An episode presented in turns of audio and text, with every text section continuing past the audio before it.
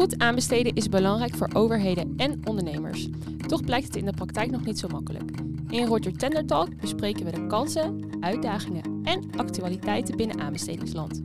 Dit doen we aan de hand van stellingen samen met hoofdrolspelers uit de markt.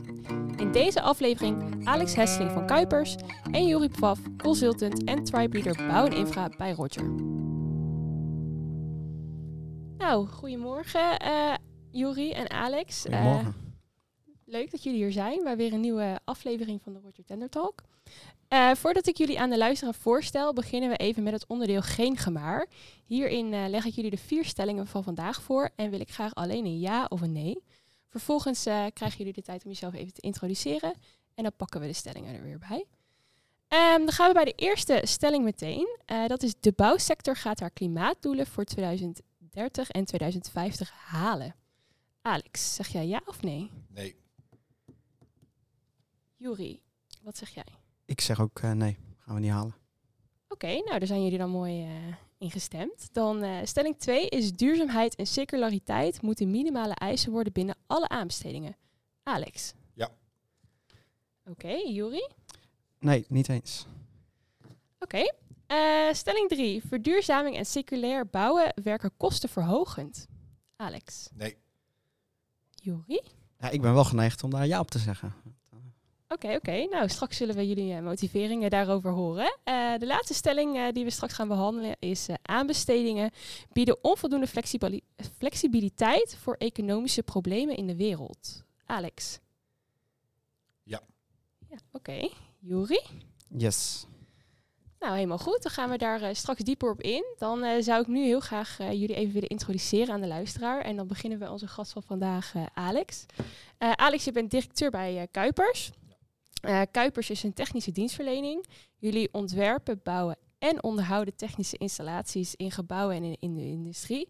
En ik heb gelezen dat jullie uh, hierbij de ambitie hebben om dit uh, op een nog energie-neutralere en gezondere manier te doen, eigenlijk. Ja, absoluut.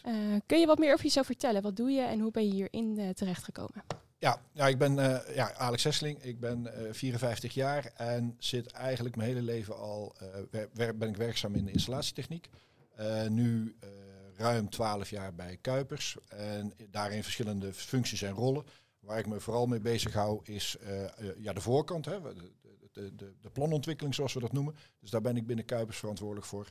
En daarnaast leid ik een business unit die zich bezighoudt met de design, build en maintain operate projecten. Dus de wat langer lopende projecten waarin we, nou ja, in, zoals we dat in aanbestedingsland dan noemen, onder de UAVGC contracten, uh, ja, onze verplichtingen aangaan.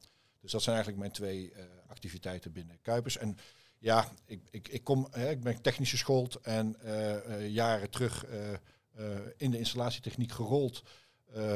als een ontzettend leuke werkomgeving. En wat ik altijd super interessant vind van ons vakgebied, naast de techniek die we bedrijven, is dat we eigenlijk als installateurs altijd bij de mensen thuiskomen, zeg ik dan, maar bij alle bedrijven waar wij voor werken, of het nou een laboratorium is, of een ziekenhuis, of een, of een nou ja, waar we het net over hadden, een, industrieel project. Uh, uh, dat, ja, dat vind ik super interessant om daarbij bij betrokken te zijn en daar invulling in te geven. in een productieproces, in hun, in hun werkzaamheden, maar ook in hun verduurzamings- en circulariteitsambities. Ja, precies. Ja, want ik had uh, je natuurlijk even opgezocht uh, op uh, LinkedIn, zoals we dat al vaak doen. Um, en ik had ook gezien dat je bij een aantal best wel bijzondere projecten bent Zeker, aangesloten. Ja. Um, en eentje die me opval was iets met, met een ketenaanpak en vijf pijlers. En ik ben eigenlijk wel benieuwd of je die wat meer kan toelichten. Jullie omschreven dat Kuipers een, een ketenaanpak heeft op het gebied van duurzaamheid en circulariteit. Circula ja, precies. Ja. Met vijf pijlers, waardebehoud. Ja, ja precies. We hebben, we hebben een, wat wij dan noemen de, de, de circu in het leven geroepen. Een soort uh, meetinstrument uh, om circulariteit binnen projecten te meten. Dat hebben we dan gestoeld op een aantal pijlers. Materiaalgebruik, uh, waardebehoud van de, van de, van de installaties. omdat wij gewoon zagen dat de ontwikkelingen op, op, het gebied van circulariteit eigenlijk vooral bouwkundig werden, werden ja. Ja, ja, precies. werden getriggerd, zal ik maar zeggen. dus de bouwkundige partijen die zijn best wel goed bezig met hoe ze met circulariteit omgaan. En uh, dat komt denk ik ook omdat ze dichter bij de virgin materials zitten. Hè, dus steen en, en, en hout. En dat zijn allemaal zaken Ja. die, die wat makkelijker eh, te scheiden zijn en die ook wat, wat, wat, hè, wat, wat beter te, te monitoren zijn. En binnen de installatietechniek is dat wat complexer. Hè? Dus dat is altijd, eh, ja, we, we- onze installaties zijn samengesteld uit duizenden producten die eh, eh, samengevoegd worden tot één installatie. En om daar nu echt de losmaakbaarheid en de, het waardebehoud daarvan goed te definiëren, daar konden we eigenlijk niet zo goed een methode voor vinden. Dus dat hebben we zelf bedacht, hè, samen met een, eh, met een consultantpartij. en dat zijn we nu ook aan het introduceren. En daar hebben we een aantal ja, initiatieven ingenomen. Te zeggen, kijk, kunnen we nou kijken dat we bijvoorbeeld kleinere installaties maken. Hè, dus door eh, de overdimensionering die we vaak zien in installaties, om die eh, te, te reduceren als het ware. Dus dan zit je in, de, in het R-model van circulariteit zit je heel erg in de reduce, Ja. refuse eh, kant. Kunnen we installaties nou beter onderhoudbaar maken, zodat we ze makkelijker in modules uit elkaar kunnen halen en kunnen vervangen voor modules, zodat we de rest kunnen laten staan. Dus dat we niet enorme delen van die installatie hoeven te vervangen. En kunnen we bijvoorbeeld eh, eh, de inkoop die we doen, doen bij partijen die ons kunnen aangeven eh, hoe zij hun producten maken. Hè? Ja, Nou, precies. zijn op dit moment leveranciers die nu al zeggen, ja, de, de kunststoffen die wij gebruiken, dat zijn gerecyclede kunststoffen. Ja, dat heeft bij onze voorkeur, Ja. als we dat in ons inkoopproces mee kunnen nemen. Dus zo hebben wij die, die, die keten eigenlijk opgebouwd daarin. En eh, wat is de invloed daarvan op hoe jullie met aanbestedingen omgaan? Nou ja, kijk, het, het, op dit moment zie je in de aanbestedingen, dus circulariteit begint echt een, eh, een item te worden binnen aanbestedingen. Eh, Ja. eh, ik vergelijk dat maar een beetje met de energie. Hè. Dus energie is, is in de jaren tachtig was, begon dat een issue te worden van hey, olie, is, olie en gas is toch niet helemaal onbeperkt. Ja, Hè, dus we zijn nu 40 jaar later en nu is eigenlijk energie-neutraal bouwen is common business geworden. Hè, dus dat, zie ik eigenlijk ook voor circulariteit. Dus we staan nu aan de vooravond van circulair eh, eh, bouwen en circulaire eh, ontwerpen. En nu vragen opdrachtgevers van, goh, wat is jullie visie erop en wat kunnen jullie daaraan doen? En op dat moment ja, leveren wij dus ook deze visie leveren wij mee. En proberen we ook samen met opdrachtgevers daar invulling in te geven. Ehm, en je, je zult zien dat dat de komende jaren steeds strakker gaat worden en steeds meer ja, de, de ontwikkeling in de markt gaat incorporeren in de vragen. En dus nu zijn de vragen in de aanbesteding nog vrij open. En nou, eh, wat is jullie visie en Ja. hoe geven jullie daar invulling in? En ik denk dat het straks steeds eh, veel ja, eisender eh, gaat worden eh, vanuit de aanbesteding. Ja, precies. Ja, want ik had ook gezien dat je in de co-bouw eh, had gezegd dat de installatiesector is met veel mooie dingen bezig, maar circulair is het nog nauwelijks. Nee, klopt. Ja. Ja, Maar daar zijn jullie dus wel heel druk mee bezig om daar verandering in te brengen. Nou ja, ik denk dat we daar als installatietechniek daar aan de vooravond staan. De belangrijkste opgave voor ons blijft, is en blijft naar mijn idee de energietransitie. En, het, en, en eh, dus de, de, de, de reductie op CO2-uitstoot.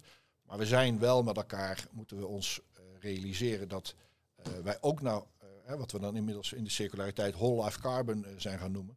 eh, eh, van welke materialen brengen wij nou in een gebouw om die verduurzaming tot stand te brengen? En waar vind je nou de balans tussen eh, de investeringen die je doet, eh, bijvoorbeeld om zonnepanelen op je dak te leggen. Eh, ja, doe je dat nou met zonnepanelen die ja, ook vervuiling met zich meebrengen of heel Ja, veel precies. CO2 kosten om te, Ja, om te ja. produceren? Eh, want dan span je eigenlijk het paard achter, het, achter de wagen. Op het moment dat, je, dat het je heel veel CO2 kost om zo'n paneel te maken. Eh, eh, eh, Ja, hoe duurzaam is het dan nog? ja, hoe duurzaam is het dan uiteindelijk? Hè? Ja. En die vraag die ga je natuurlijk krijgen. Eh, op dit moment zeg je, ja, we leggen al die daken vol met zonnepanelen. Maar straks zijn ze een keer klaar. En wat ga je er dan mee doen? Hè? Ja. kun je ze dan Ja. op een goede manier weer terugbrengen in de, circulaar, eh, dus in de, in de cirkel. En kun je dan weer eh, grondstoffen ervan maken. Dus dat worden wel enorme belangrijke issues, denk ik. Ja, nou, ik denk dat we dat ook in de stellingen wel eh terugzien. eh, zeker. Ja. Nou, bedankt voor het voorstellen, Alex. Nou, dan sluit vandaag ook Jury weer wederom aan bij onze Ja, podcast. Eh, ja, leuk dat je er weer bent. Eh, ik denk dat sommige luisteraars je misschien nog wel kennen van de vorige aflevering, maar zou je je toch nog even kort willen voorstellen? Jury? Ja, zeker. Eh, mijn naam is Jury, eh, werkzaam als consultant en tribe leader bij Roger. Eh, dagelijks bezig met het maken van de beste deals in aanbestedingsland. Eh, en dat doen we aan beide kanten van de tafel. Eh, dus zowel begeleiden we inkopende partijen als de inschrijvers. En daardoor zien we dus ook de dynamiek die aan beide kanten speelt. en die nog wel eens heel verschillend is. Ehm, ja, vanuit mijn rol dagelijks bezig met aanbestedingen in de bouwsector. En met bouwsector doe ik eigenlijk de installatietechniek tekort, want we doen ook heel veel in de installatietechniek. Eh, en daar speelt duurzaamheid ook echt een hele grote rol in.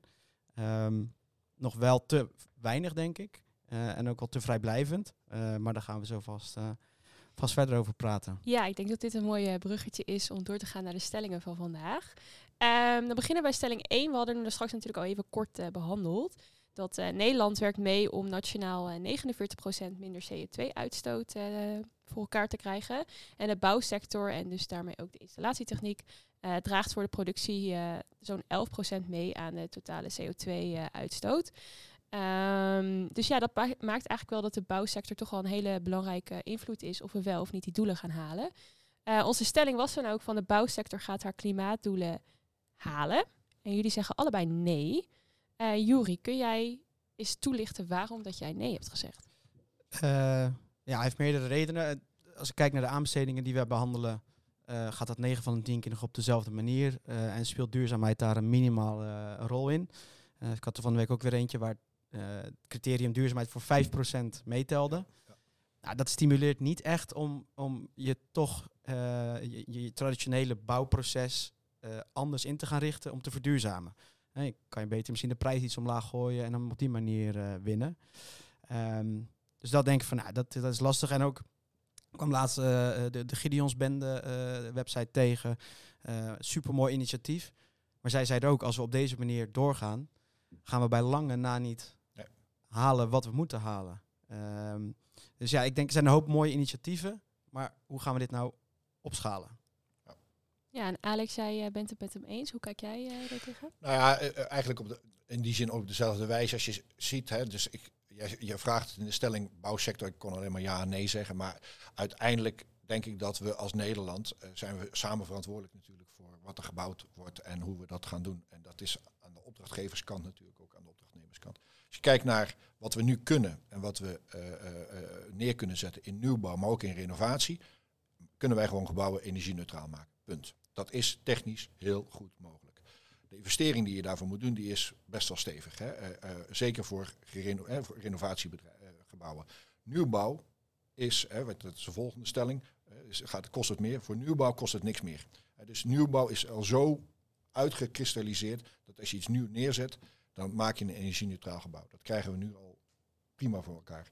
Alleen de gebouwde omgeving die we hebben staan, die is nog zo enorm groot. Dat daar moet enorm veel gebeuren. Willen we in 2050 echt energie-neutraal zijn? Want dat is feitelijk. eh, Ja. We hebben het dan over Ja. 2030, maar 2050 is de horizon. En als je kijkt naar wat we bij aanbestedende diensten zien, maar ook bij private eh, eh, ondernemingen, eh, ja, dan hebben we het over pilotfases. Dan hebben we het over. er zijn nu nog steeds gemeentes die zeggen: ja, we moeten een pilot gaan doen. Pilot, die zijn we al lang voorbij. Het moet nu gewoon uh, gaar op de klos komen. Willen we het überhaupt gaan halen? Uh, daar, ben ik ook uh, in andere gremia, hè, bijvoorbeeld bouwstenen voor sociaal werk, uh, waar ik regelmatig spreek. Zeg jongens, jullie moeten echt nu gaan versnellen als aanbestedende dienst, hè, als overheid. Want jullie zijn de voorbeeld, jullie hebben een voorbeeldfunctie in, in Nederland. En als jullie het niet doen, ja, wat verwacht je dan van alle private ondernemingen die het moeten doen? Alle kantoren die nog verduurzaamd moeten worden. Dan zeggen we, nou, 2023 moeten we label C allemaal hebben. Nou, dat gaan de meesten allemaal wel halen. Maar de volgende stap is label A. Maar dan ben je nog bij lange na niet energie-neutraal. Dus, ja. dus ja. je ziet echt dat daar... Uh, dus de, uh, en iedereen denkt van, nou, 2050, dat is over 30 jaar. Dus dan gaan we nog twee keer onze installaties vervangen. Dan gaan we nog een keer grote renovatie doen. Maar ja, dan nog denk ik dat we dat veel te ver voor ons uitduwen. En daar gewoon niet de juiste uh, stappen in maken. Aan de andere kant zie je ook wel, uh, dat wil ik gelijk benadrukken, uh, voorbeelden van uh, overheden, zowel lagere overheden als hogere overheden, die het wel doen. Wij, wij, werken met gemeentes, als gemeente Eindhoven, gemeente Tilburg, gemeente Den Bosch, die echt substantiële stappen maken om die verduurzaming ook echt vorm te geven. provincie, provincie Zuid-Holland, waar we nu een grote renovatie van hun bestuursgebouw aan het doen zijn. Ja, dat gaat naar nul op de meter. En dat, is echt wel, dat zijn echt wel stappen die ook de overheid dan aandurft. Maar over het grote geheel denk ik dat we het gewoon dat het echt nog tekort schiet. Ja, want als ik je dan zo hoor, dan is het eigenlijk, als we hem even terugkoppelen naar aanbestedingen, vind jij het de verantwoordelijkheid van de aanbestedende dienst, want het is eigenlijk een soort van af te dwingen? Ja, absoluut. Ja, dat, ik denk dat je daar als opdrachtgever, hè, dus uh, moet zeggen van ik wil dit. Ik heb daar en de financiële middelen ervoor. En ik stel die eisen ook, hè, ze kunnen die eisen dan ook stellen. Maar het is een complex van factoren natuurlijk. Hè. Als je kijkt, hè, wat, we hebben het over aanbestedingen en dan hebben we het vaak natuurlijk over aanbestedende diensten. Uh, hebben we het over overheden. dan moet ook politieke, politieke wil achter zitten. En je ziet dat afhankelijk van de politieke kleur van een gemeente of van een, van overheid, zie je ook wel het de ene kant of de andere kant opgaan. En dat is wel heel bepalend voor het bouwen. Hè? Want uiteindelijk voor je een plan, hè, voor planontwikkeling, uh, nou, een beetje planontwikkeling, drie, vier jaar ben je toch wel kwijt. Nou, dat is nog precies de periode waarin je van, politieke, van politieke kleur kan veranderen. Uh, dus daar zien we echt wel uh, dat die support ontzettend belangrijk is. Daarnaast de financiële middelen, hè, de financiële kaders die daar belangrijk voor zijn. Het gaat echt om de, hè, dus de, de, de bestaande gebouwen, om die te verduurzamen. Dat gaat echt wel serieus geld kosten. Hè, dus daar moeten we echt op investeren. En die zijn er ook vaak niet. Hè. Dus daar zie je ook wel dat uh, overheden ja, keuzes maken. Ja, ga ik nou een fietspad aanleggen of ga ik nou mijn ambtelijke huisvesting uh, verduurzamen? Ja. dus dat, dat, die keuzes die, die wegen echt wel heel erg zwaar mee in de politiek. En daar, daar, daar zie je ook wel dat we daar gewoon onvoldoende snelheid maken om dat, om dat boven water te krijgen. Ja, ja. helemaal goed. Um, ik denk dat dit ons echt meteen naar de tweede stelling brengt. Want zeker als jij zegt van goh, uh, eigenlijk moeten aanbesteden diensten het afdwingen. Onze tweede stelling is dat duurzaamheid en circulariteit moeten minimale eisen worden binnen een aanbesteding. Je ziet natuurlijk al wel dat het vaak wel terugkomt, vaak als kwaliteitscriterium. Wat uh, Jury net ook al zei, misschien een keer 5%. Maar het wordt niet afgedwongen, niet altijd. Nee. Um, dus vandaar onze stelling vandaag moet echt gewoon een eis worden.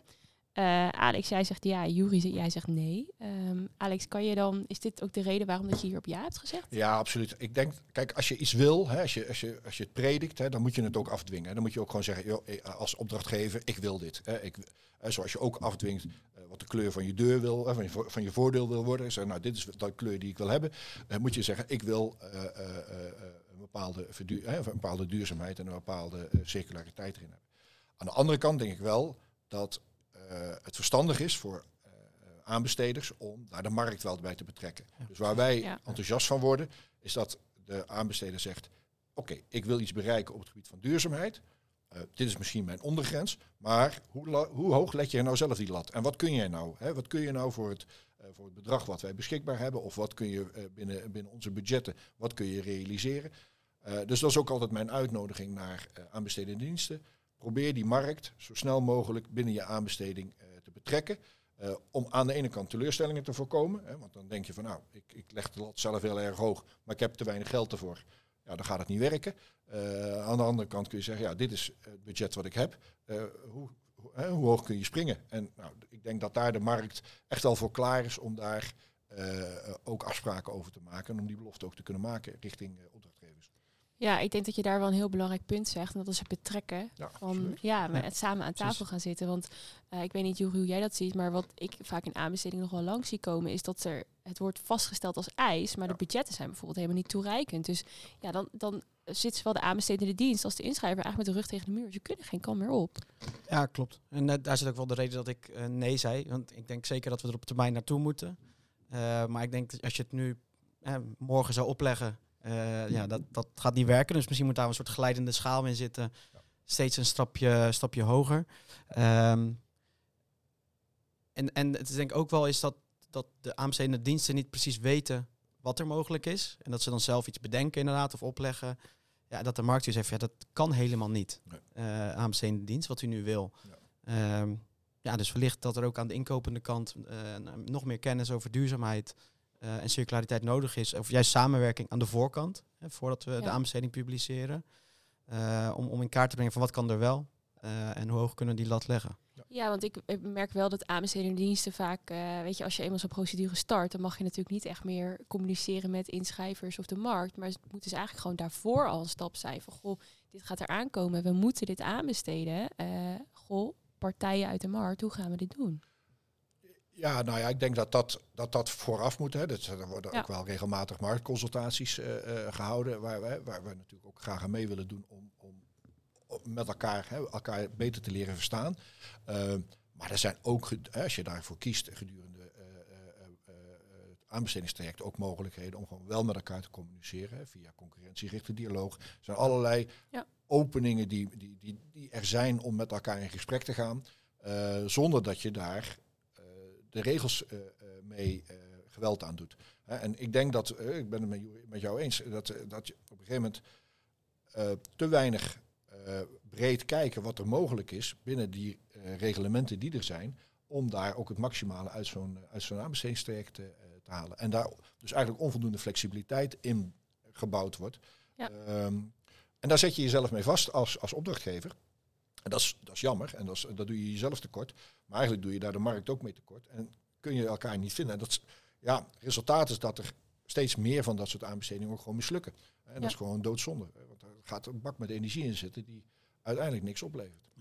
Ja, want jij stipt al aan de concurrentiegerichte dialoog. Nou, wij bij Roger zijn inderdaad wel voorstander van beide kanten van de tafel dichter bij elkaar brengen. Maar Juri, is dat iets wat je ook in de bouwsector veel terug ziet komen? Of eigenlijk nog niet echt? De dialoog niet zoveel, bij complexere trajecten wel. Eh, en zeker waar er eh, inhoudelijke uitdagingen liggen.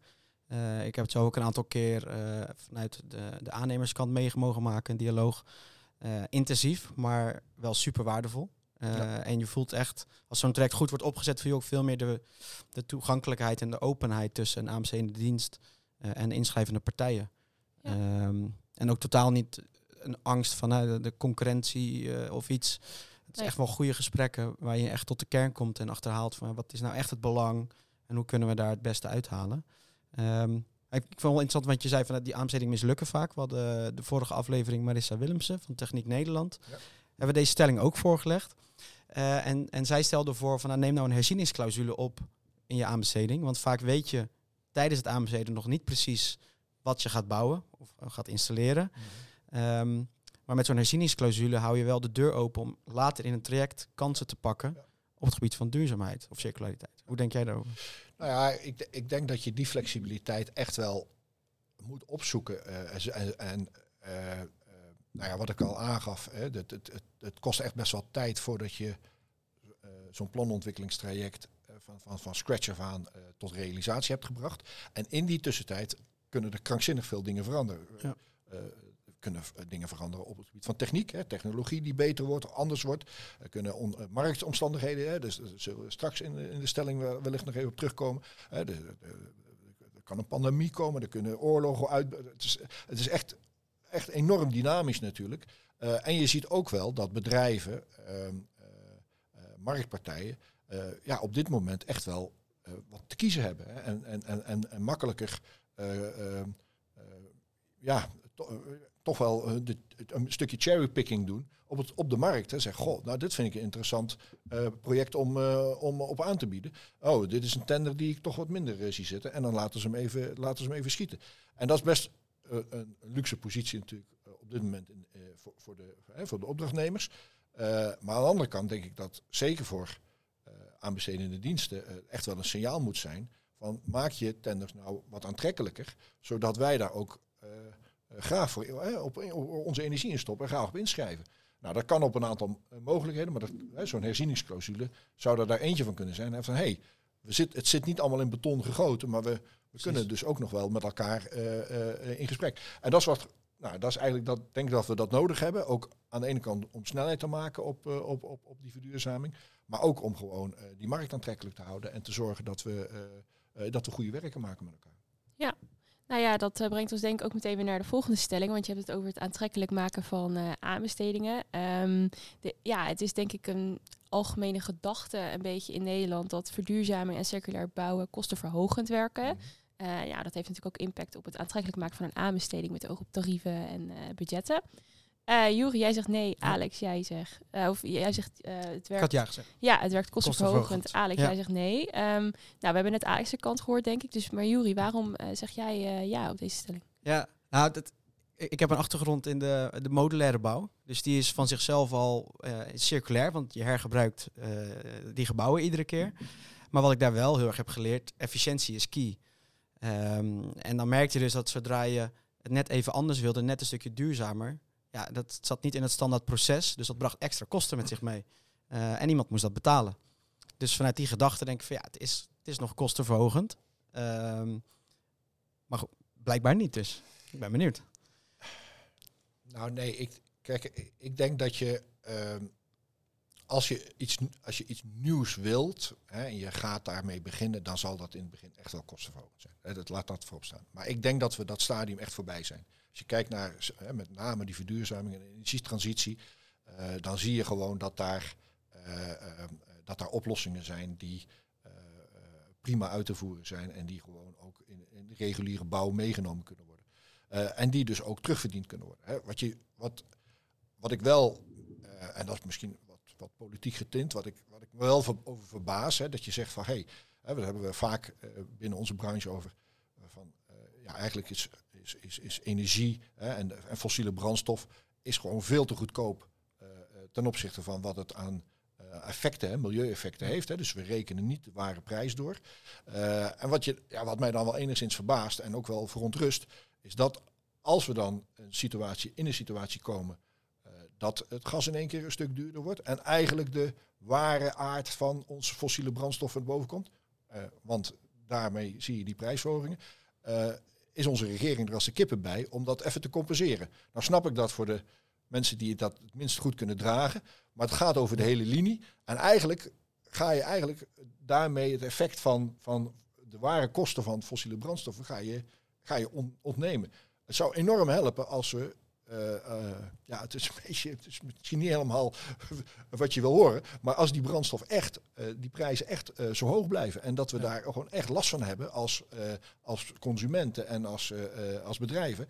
En, en dus daarvoor energiebesparende maatregelen gaan nemen. Want dan wordt dat vliegwiel wordt natuurlijk veel sneller. Hè? Ja, eigenlijk wordt onze motivatie om creatieve oplossingen te bedenken dan gewoon sneller getriggerd. Ja, dat, eh, dat is toch evident. Hè? Dus eh, wat je heel vaak toch ziet in, in, in, in projecten die wij toch ook doen, is dat we naast de intrinsieke motivatie van, van eh, opdrachtgevers zien om te verduurzamen, om iets te, eh, zit daar ook een terugverdientijdberekening achter. Van goh, hoe lang duurt het eh, voordat ik het terugverdiend heb? En de meeste opdrachtgevers die rekenen niet in vijf, zes jaar, hè, want dat is echt dat, dat is te kort voor dit soort, eh voor dit soort terugverdientijd eh, acties. Maar die, die zeggen nou tien jaar, dat vind ik dan acceptabel.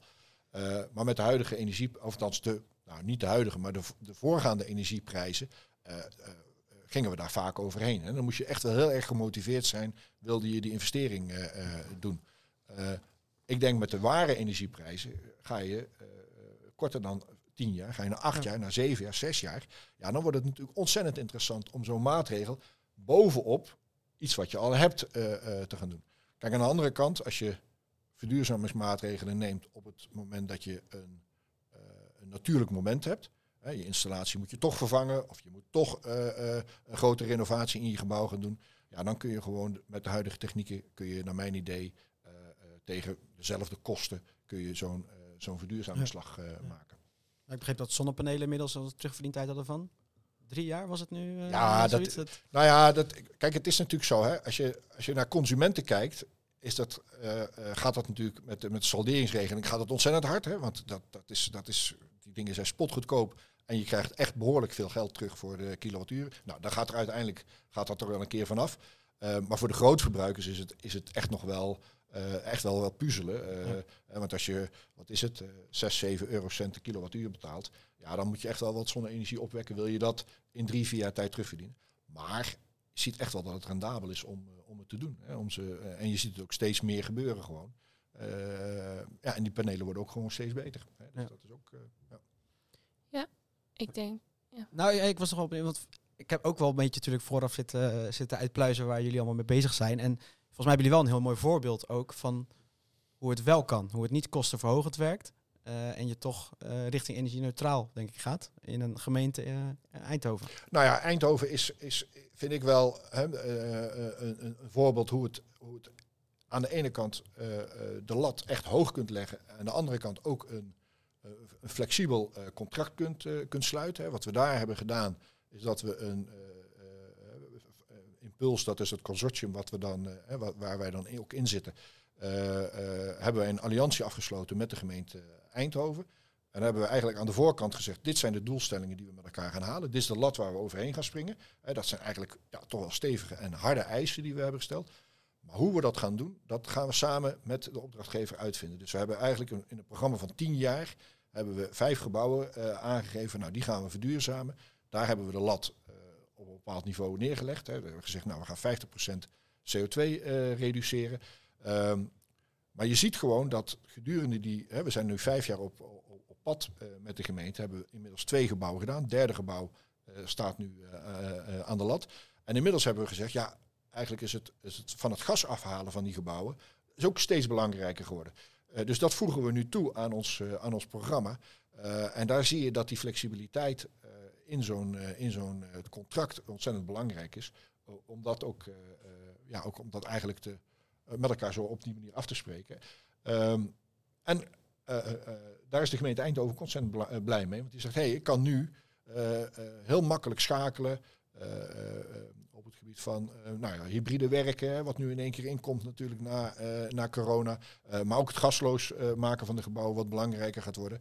er zijn ontwikkelingen van, we zijn nu op het Stadhuisplein in de gemeente Eindhoven bezig met ontwikkelaars om daar een WKO-hub te maken. Omdat de ondergrond eigenlijk te schaars aan het worden is. Hè, dus dat we te weinig bronnen kunnen boren om alle gebouwen te voorzien van WKO.